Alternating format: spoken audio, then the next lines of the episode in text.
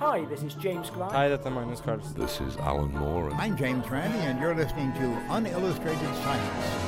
Stakk hodet sitt inn en partikkelakselerator. Velkommen til fremtiden. Universet. Spørsmålet er egentlig kan du få mennesker inn i? Forskningsnytt. Ta parallellkoble en del med Jo, eneste som er ja, Uansett, vi går videre. Kjekksølv. Uillustrert vitenskap.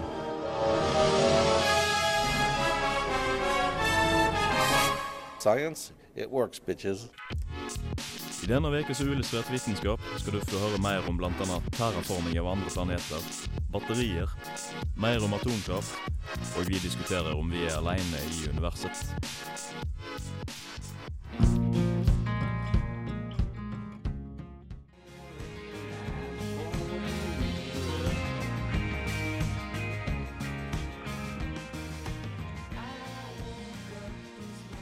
Hei sann og velkommen til uh, denne ukes Uillustrert vitenskap. Uh, med oss i studio her i dag så har vi Øyvind. Ja, jeg prøver å slutte. Jeg får ikke lov. Det får du ikke lov til. Andrea som vanlig.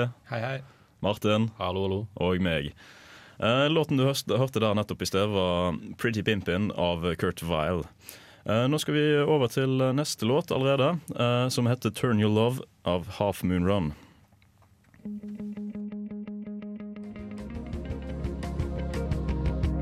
This is Alan Moore, and you're listening to Unillustrated Science. Batterier er noe vi bruker i en eller annen form hver dag.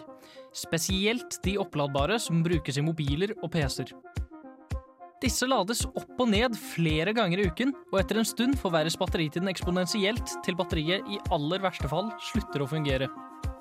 Men frykt ikke! Nylig har det blitt gjort flere oppdagelser på dette området som kan mangedoble både utladningstid og levetid.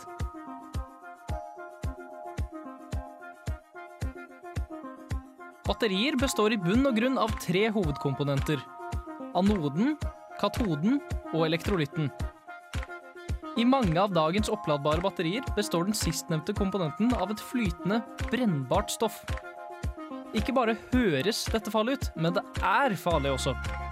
Faktisk er det rapportert flere tilfeller hvor mobilbatterier har eksplodert eller begynt å brenne med andre- og tredjegradsforbrenninger som konsekvens.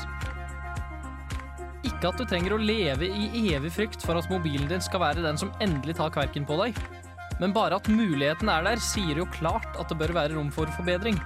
Som helt tilfeldigvis er akkurat det jeg skal snakke om. En gruppe forskere bestemte seg nemlig for å ta en liten kikk på den flytende elektrolytten, og etter litt om og men fant de en erstatning. Ved å bruke en blanding av litium, germanium, fosfor og svovel klarte de å lage en ikke-brennbar, fast elektrolytt.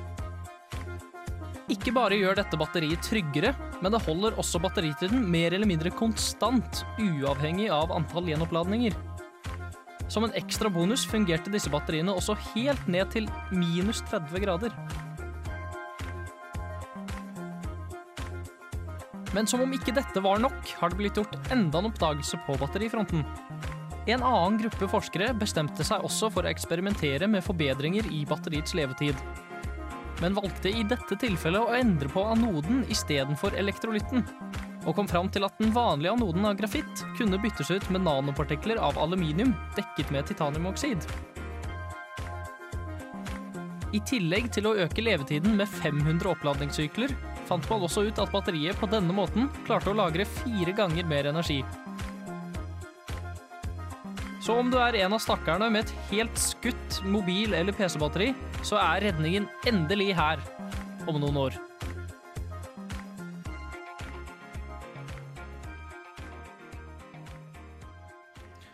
Det var Øyvind sin sak om batterier. Det var oss, eh, men eh, jeg har jo noen ting jeg har lyst til å påpeke her. Eh, Eller er det kanskje noe dere er litt nysgjerrig på? Ja, eh, hvorfor blir egentlig batterier ødelagt? Jo, det er eh, Det er jo visse typer batterier som blir ødelagt. Eh, Visse typer batterier blir lettere ødelagt enn andre. Spes spesifikt de litium-ion-batteriene vi har i dag, de blir jo egentlig litt fort ødelagt. Fordi det, det skjer jo reaksjoner i denne elektrolytten som jeg snakket om. Og så dannes det en del reststoffer, og de legger seg på elektrodene. Og så reagerer med dem, og så til slutt så klarer de å bryte ned elektrodene. Da. Så det er det som skjer. Så du går rett og slett tom for elektroder. okay. Hvorfor eh, dekker man batteriene i titaniumoksid? Eh, det Ja, fordi det var det jeg snakket om eh, Det var batteri nummer to som jeg snakket om i denne saken. For da hadde de sånne nanopartikler av aluminium som de dekket i titaniumoksid. Og grunnen til det er fordi den reaksjonen som jeg snakket om, elektrolytten, som danner så mange reststoffer, eh, når, de blander, når de legger seg på disse aluminiums eh, så eh, korroderer de, rett og slett. De jeg holdt på å si ruster, det er det jern som de gjør, men tilsvarende i aluminium. da. Og gjør dem helt ubrukelige eh, relativt fort. Men hvis du dekker dem i et beskyttende lag med titaniumoksid, eh, så, så slipper du unna den reaksjonen her, da. Men det var litt morsomt med det batteriet, faktisk. Fordi hele De hadde jo egentlig bare tenkt til å prøve å få batteriet til å vare lengre, i flere oppladningssykler, liksom. Men så var det sånn at eh, For de dekket disse batteriene i en blanding av eh, titansulfat og svovelsyre for å få det til. For å få til å dekke det med titaniumoksid. For det er det som skjer til slutt når det skjer masse reaksjoner og alt sånt. Jeg er ingen kjemiker, men det funker visstnok. Heldigvis har vi en kjemiker med oss i kveld, da. Ja, ja, du går kanskje i kjemi, da? Ja, det går det. Ja, ja, men Da kan jo du forklare alt det her seinere, kan du ikke Ja, det? er jo senere. Bare skriv en eller annen lang artikkel på det seinere. hovedfaget ditt allerede. Men, men i hvert fall, da. Så det som skjedde med det batteriet her, det var det at eh, de klarte å glemme et parti med sånne her eh, aluminiumsnanopartikler. Sånn at de ble liggende jeg vet ikke, dritlenge. Eller noe sånn cirka det. Eh, sånn at de til slutt de fikk en helt annen reaksjon da, når de ble liggende lenge nok. Sånn at de klarte å dekke det i Jeg vet at dette er en veldig morsom feil. Istedenfor titaniumoksid, så dekket de titaniumhydroksid. Ja, jeg vet, det er rookie mistake, men det var det som skjedde da, i hvert fall. Og, og så tenkte de ok, det her gikk jo helt gærent, det var ikke det vi skulle, men vi prøver å bygge ut batteri allikevel. Og så viste det seg at shit, ikke bare varer batteriet mye lenger, det klarer også å lagre fire ganger mer energi. Det er helt fantastisk. Ja, så var, alt var egentlig et uhell. Så dette her eh, Det standardspørsmålet, for å si det sånn. Når eh, er det å forvente å se noe av dette på markedet og sånt? Å gud, det vet jeg ikke, altså. Jeg hørte, Um, hørte du sa om noen år, så er løsningen her. ja, det var eh, det jeg sa, til endelig så er det på Endelig så er redningen her om noen år, men eh, det, jeg, jeg, det kan hende det. at jeg løy litt. Jeg vet ikke engang om det kommer ut. Men eh, hovedproblemet nå er jo at de bare gir ut 2 volt istedenfor 3,5. Ja. Eh, så det er jo ikke nok til å drive så mye. Nei, det er sant. Men de sier at de kanskje kan finne en løsning på det ved å bytte ut stoffer i katoden, den andre elektroden altså, og sånne ting. da. Så kanskje fem år, ti år, hvem vet. Ja. Hva som helst. Det er helt fantastisk. Uh, vi går videre nå uh, og skal straks høre litt grann om uh, terraforming. Men aller først, før det, så skal vi høre 'Kamikaze' av Susanne Sundfør.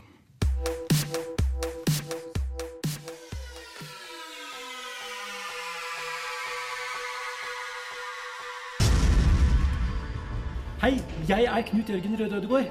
Du hører på Uillustrert, som er eh, like kraftig som en supernova, eller kanskje en hypernova. Like vakkert som en stjernehop, og like spennende som en Venuspassasje. Mars. Tørt, støvete, kaldt og øde. Den har en atmosfære, men den er altfor tynn til at vi kan puste i den. Den har vann, men det er frosset, og mye av det ligger begravd. Slik Mars er i dag, kan den ikke opprettholde menneskelig liv uten at tilreisende har tatt med seg litt av jorden i form av luft, vann og mat, eller midler til å forsyne seg med alle tre. Men kan vi gjøre Mars mer lik jorden? Gjøre Mars beboelig for de som ikke har råd til verken drivhus, romskip eller romdrakt? Dette er et allerede velkjent konsept, både fra fiksjon og vitenskap, og har fått navnet terraforming. Terraforming går ordrett ut på å forme andre planeter eller måner etter jordens bilde. Kontinenter adskilt av store hav, elver på kryss og tvers, og kanskje litt raslende løv og fuglekvitter for å gjøre det hjemmekoselig. Dette krever først og fremst en atmosfære som har høy nok solfaktor, kan pustes, og har et atmosfæretrykk på et slikt nivå at blodet i kroppen verken begynner å koke eller fryse. Det finnes nok av teorier til hvordan dette kan gjøres, og hvor vi kan gjøre dette. Vi har allerede valgt ut noen passende kandidater i vårt eget solsystem. Mars er en av dem, og er valgt ut fordi den verken ligger for nær eller for langt fra solen.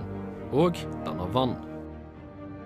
Riktignok i form av is, men nok is til at hvis vi øker temperaturen på Mars, slik at isen på Mars sine poler smelter, korresponderer dette med å dekke hele planeten med et 11 meters dypt hav. Etter at vi har hav, må karbondioksidnivået minskes fra nåværende 94% til mer jordlige 0,04% Så må atmosfæretrykket justeres opp til rundt 10 kilopascal. Så har man i teorien grunnlag for liv. Når alt dette er gjort, er det bare å pakke koffertene og håpe på neste fly til Mars. Kanskje få utdelt en jordlapp i Tarsis-region, dyrke litt grønnsaker, og deretter klage over at folk fra Venus tar jobbene for oss ekte Mars-boere.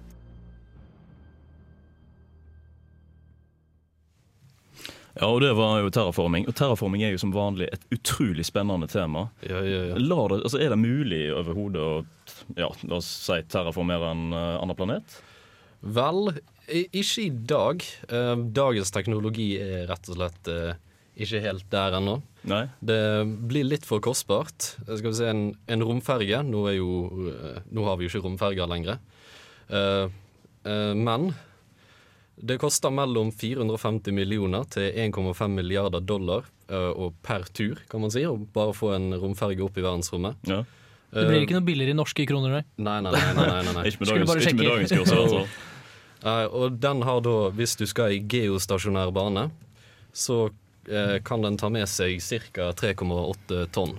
Så hvis du skal til Mars, så må du pakke den litt lettere. Og det blir en god del turer hvis du skal ta med deg alt utstyret du trenger for å terraformere en hel planet.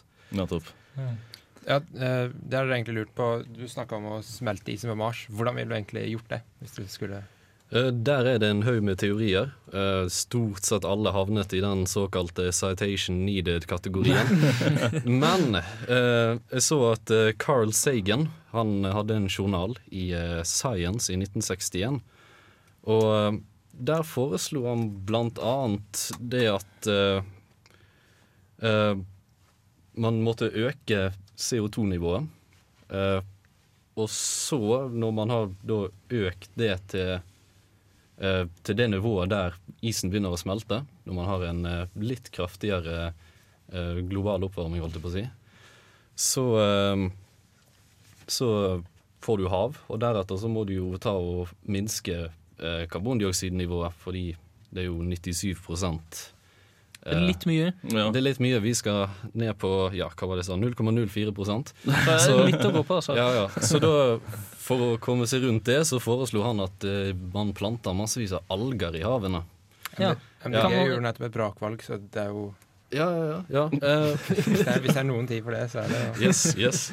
Men, men hvorfor, eh, hvorfor skal man egentlig terraforme? Hva er vitsen, liksom? Trenger vi egentlig det? Vi har det ganske fint her nede på jorden, i hvert fall mange ja, enn så lenge. Nei. Eh, det er et mer sånn eh, filosofisk spørsmål, da. Altså, vi har jo alltid likt å utvide horisontene. Så om vi kunne bodd på Mars, så hadde jo det vært fint. Mars er jo full av ressurser i seg sjøl, så man kunne jo tatt i bruk de. Men så er det litt sånn eh, moralske ting rundt det, tro det eller ei. Mm. det det er fortsatt ikke helt fastslått om at, at Mars er helt tomt for liv.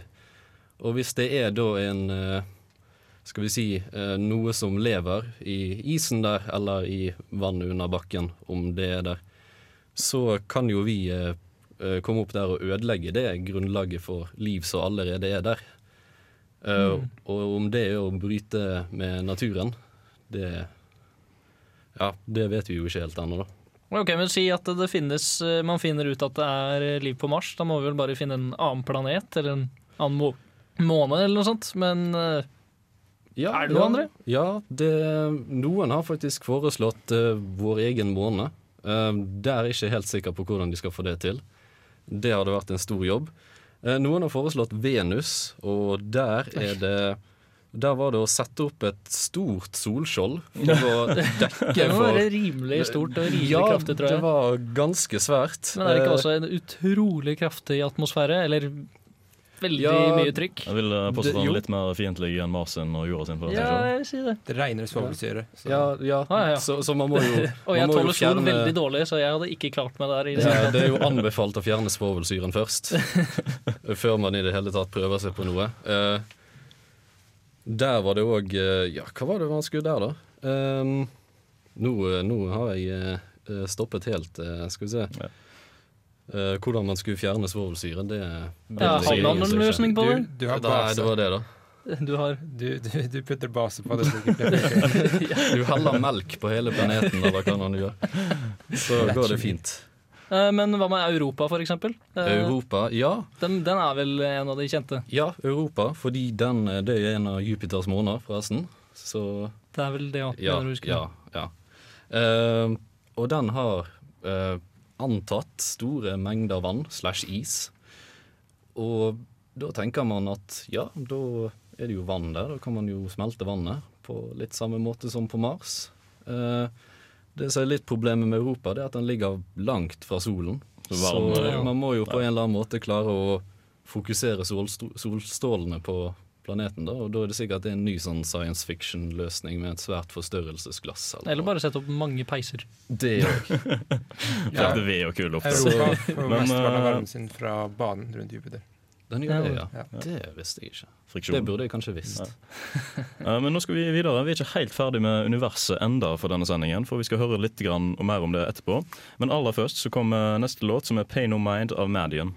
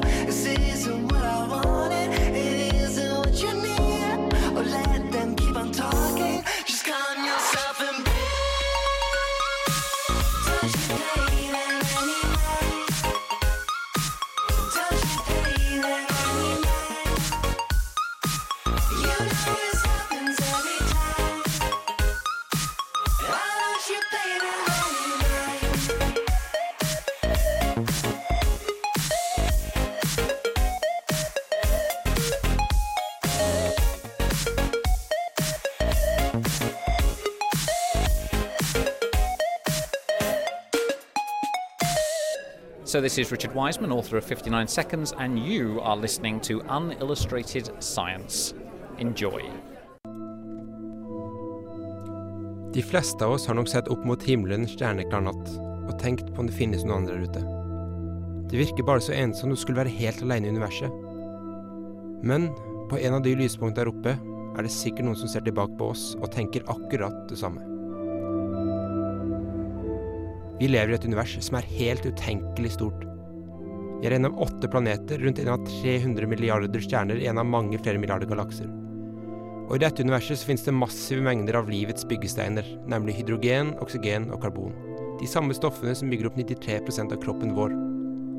Så det virker egentlig helt latterlig usannsynlig at ikke skulle finnes liv der ute. Spørsmålet er om vi kan finne det, og i så fall hvor.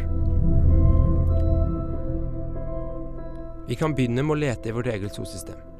Det er faktisk grunner til å tro at det en gang har vært mikroskopisk liv på røde nabo Mars, men det har i så fall forsvunnet for lenge siden. Det finnes mikrober på jorda som kan leve i helt ekstreme miljøer. Og disse kan også leve på mange steder i vårt solsystem. Life uh, finds a way. Mest sannsynlig er kanskje Jupiters måne Europa, som har store mengder vann under dens frosne overflate. De kunne også levd på flere asteroider. Og det er også Saturns måne Titan, som har kompleks organisk kjemi på dens overflate. Her er det riktignok viktig at de understreker forskjellen mellom organisk og biologisk materiale. Metan, altså promp, er et organisk stoff. Det betyr ikke liv. Biologisk materiale betyr liv, men det innebærer noe langt mer komplekst som vi hittil ikke har funnet andre sted enn på jorda. Men vi kan ikke håpe på å finne noe mer enn simple mikrober i vårt eget solsystem. Og selv det er egentlig ganske usannsynlig. Skal vi finne intelligente vesener, må vi nok se litt lengre vekk. Og i vår lanserte NASA at de hadde funnet den mest jordlignende planeten hittil. Kepler 452b.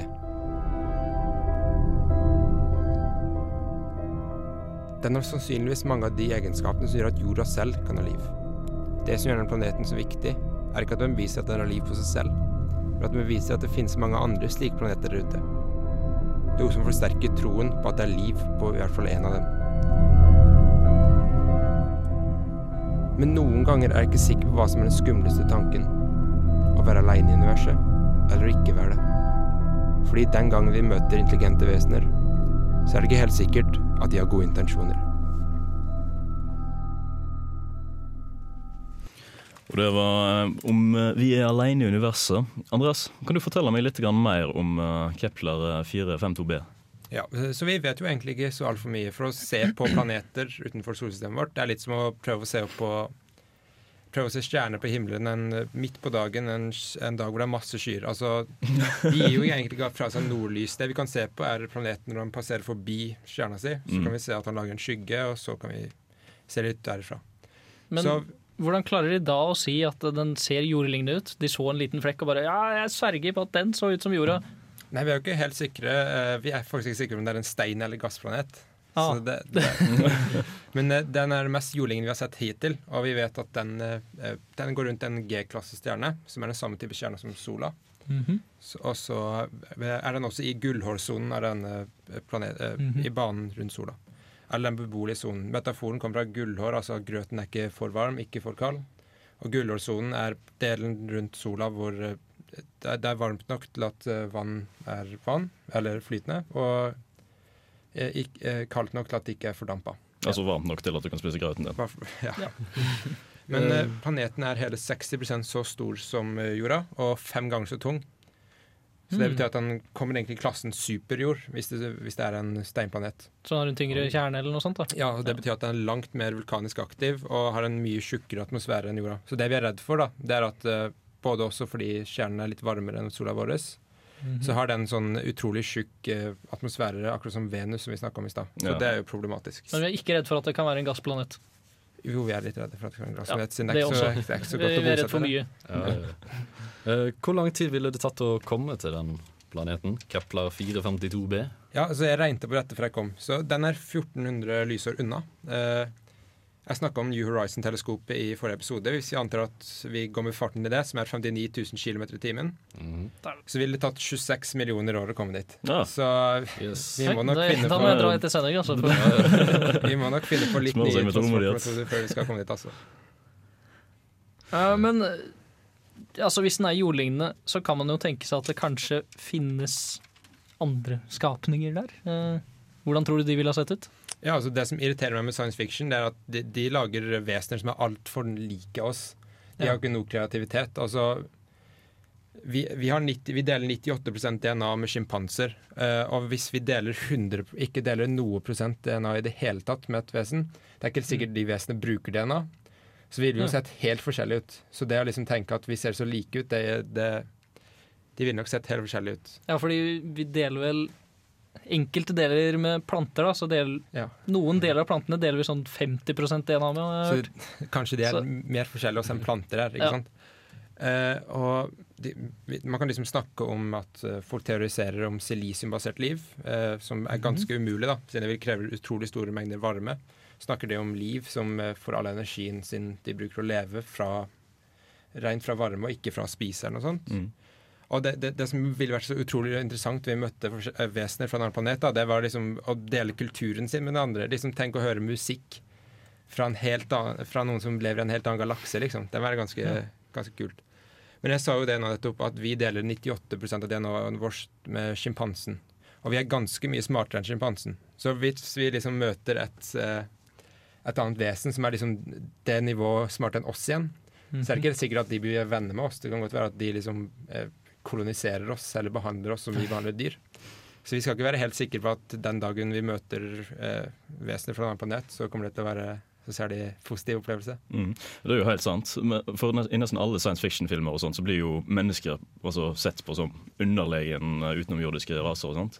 Men hva om det er faktisk mennesker som er overlegen? Altså, tenk, se for deg det. altså Mennesker har jo en evne til å overkomme fysiske skader på veldig kort tid. altså Vanlige dyr går jo gjerne i sjokk hvis de brekker et bein, og så dør de kort tid etterpå, mens mennesker kan jo overkomme det. Mennesker kan reformere, reformere seg eh, med ett avkom per år omtrent. Så det kan jo hende at det er vi som er monstrene sånn sett. Ja, men eh, tanken nesten her det er jo at uh, vi er jo såpass langt unna å noen gang uh, kommunisere med et annet vesen. Mm. Så er det sånn at hvis de kommuniserer med oss, så er det mest sannsynlig de som har gjort det. Altså, så er det de som er smarte. Men ja, vi er, vi er ganske flinke, vi også. Ja. Eh, vi skal nå videre til eh, neste låt, som er eh, 'Tell Me Why' av Death by Unga Bunga. Uh, og deretter skal vi høre litt mer om atomkraft og stråling.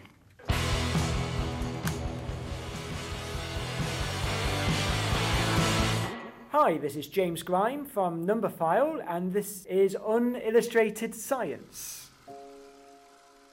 Ionisert stråling er ikke så farlig som mange ser for seg. Til og med mens du hører på denne saken her, blir du eksponert for en eller annen form for stråling. Det er viktig å huske på at til og med du er radioaktiv.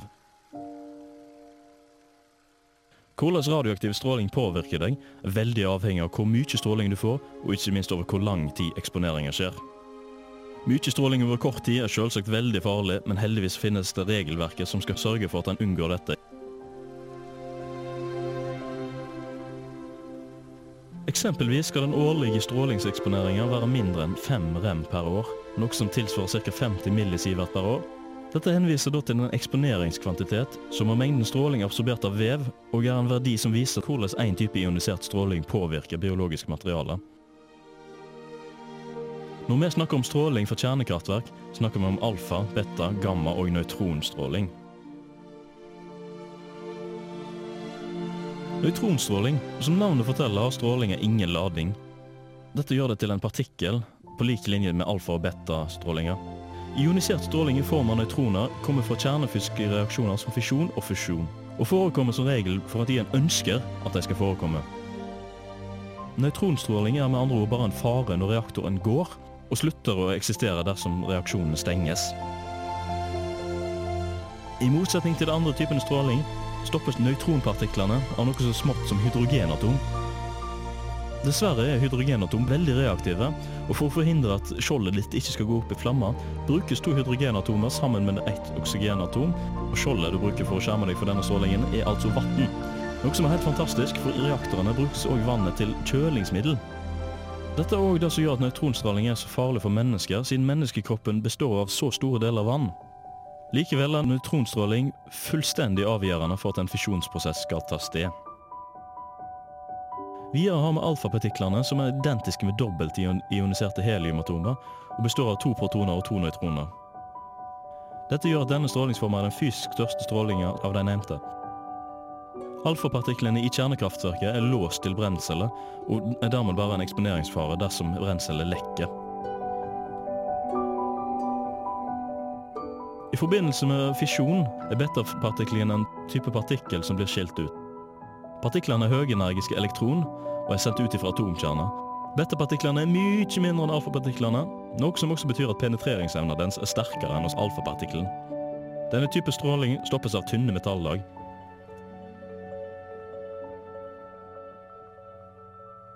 Til slutt så har vi gammastråling. Gammastråling skiller seg fra alfa, beta og nøytronstråling i den graden at den er en elektromagnetisk stråling, altså ikke består av partikler. Gammastråling har dermed høyere evne til å penetrere materialet enn alfa og beta, men lar seg stoppe av tyngre metaller, som f.eks. bly. Ja, Det var litt om strålingsfare ved atomkraft som uh, kraftutvikling og kraftproduksjon. Forrige sending så snakka jeg litt om uh, hva som kunne erstatte vindkraft og kullkraft og sånt uh, som energikilde. Og da en, konkluderte med at uh, atomkraft var et av de bedre alternativene. Uh, mest fordi det, altså, det er så st stabilt, egentlig. Altså Farene sånn som vi snakker om her nå, de er ikke så store som egentlig folk frykter. da. Altså De er veldig bra kontaminert, rett og slett. Mm. Og da har vi jo òg altså, som lover og alt sånn som forhindrer at dette skal gå ut ut av områdene sine. Uh, og ikke minst uh, områder, bygninger, som skal holde inne forurensningen.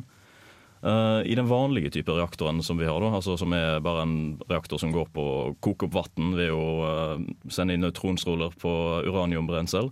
Er det effektivt, egentlig? Ja, altså hvis du har trykkammer, så er det veldig effektivt. Ja, Fordi du, Ved å øke trykket så kan du øke kokepunktet òg på dette her. Ja. det er jo den vanligste typen. da. Så du har reaktorkammeret der du brenselet brensel ligger. Sendes det vann gjennom ei løkke. Og det vannet som er, har høyt trykk, går gjennom rør til et nytt kammer med vann ved normalt trykk. Eh, og varmen fra røret fordamper vannet i det kammeret, som da fordamper ved 100 grader celsius. Og så går det tilbake og kjøler reaktoren. Ja, så det høres jo egentlig ikke så komplisert ut som man skulle tro, liksom. Nei. Ikke at jeg skal bygge en garasje. Jeg tror du eh, skal søke hjelp for å bygge, for å si det sånn. Eh, Men det er jo den vanligste typen. Eh, Problemet med denne pressurized water-reaktoren er jo at du får utrolig store kamre.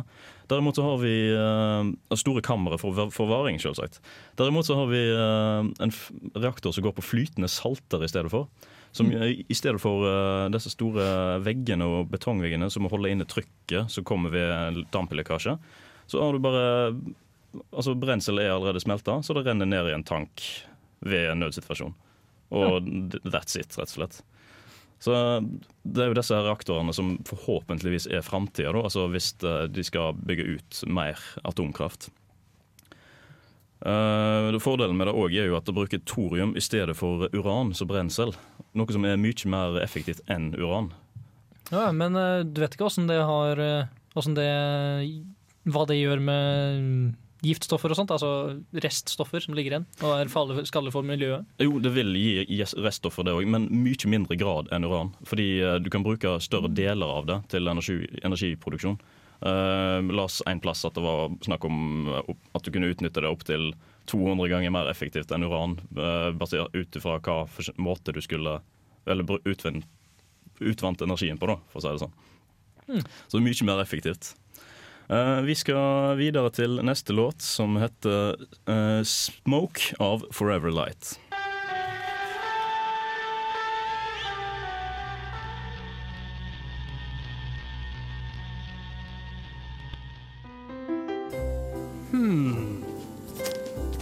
Kanskje hvis jeg gjør Nei. Jo! Aha! Hæ? Ja, men Har du noen gang lurt på hvor stor 100-meterskogen er? Ja, har du det, Øyvind? Nei, ja, senest i går, holdt jeg på å si. Ja. Eh, Hver dag. Men eh, ja, jo, jeg lurer på det. Kan, du, kan du svare på det? Jo, det kan jeg. Uh, 100-meterskogen det er jo et, egentlig et engelsk navn som kommer fra 100 Acre uh, Forest. Som er da Ah. et mål for eh, areal, rett og slett. Så 100-meterskogen er egentlig uh, ca. 0,4 kvadratkilometer stor. Det var jo kjedelig, da. Det er veldig liten, veldig liten. Ok, Eh, men hvor, hvor stor må den være i bredde og lengde da, liksom? Altså, vi, vi, altså, Det skal være en 100-meterskog. Navnet skal jo være tru mot språket sitt. Ja. Så det må være, definisjonen er at det må være 100 meter i én lengde, én retning. Mhm. Resten er uvilkårlig. Så jeg stemmer for at det beste alternativet er at den er 100 meter i bredden og litt over 4 km lang. Noe som forklarer hvorfor de klarer å gå seg vill hele tida. Men, men du, hvor ligger den, da? Hvor skal den skogen ligge? Den har jo veldig mange forskjellige dyr i seg. Den har, vel, den har en unge, og så har den et esel og en tiger og en kanin eller en hare. Og Kanskje det er en terraformert versjon av Mars? kanskje det er det der. Der har du hemmeligheten. Fanteorier om Ole Brumm her. ja. Vi snakker jo òg om eh, Altså, en bjørn er jo òg et uh, dyr som har sitt revir, sant. Eh, så hvis, Ifølge norsk Wikipedia da, så ligger jo en gjennomsnittlig brunbjørn sitt revir på ca. Ja, mellom 73 til 414 kvadratkilometer. Så et lite standardavvik der, selvsagt. Mm. Der har du jo norsk Wikipedia. Eh, og der, Da ser vi jo òg på hvor stor Ole Brumm er. sant? Han er ca. Ja, vi, på et bilde så ser vi at han er ca. to tredjedeler av høgden til Kristoffer Robin. Og vi vet at Kristoffer Robin dro ifra 100-meterskogen fordi han skulle begynne på skolen. Så da vil si at han er ca. sju år i forhold til engelsk standard. Og gjennomsnittshøgden på en sju år gammel gutt er 122 cm. Derfor er Ole Brumm 81 cm høy. Eh, Den skandinaviske brunbjørnen blir ca. 2,5 meter lang, så da er forholdet mellom de to ca. to tredjedeler. Kalkulert på dette her da, og i forhold til reviret til en brunbjørn, så blir 100-meterskogen ca. 50 ganger for liten for lille Ole Brumm. Hvis han skal ha et uh, revir. Han er ikke så veldig ambisiøs, med andre ord. Nei. Nei. Men da skal vi videre til uh, neste låt, som er 'Siste gang' av Bendik.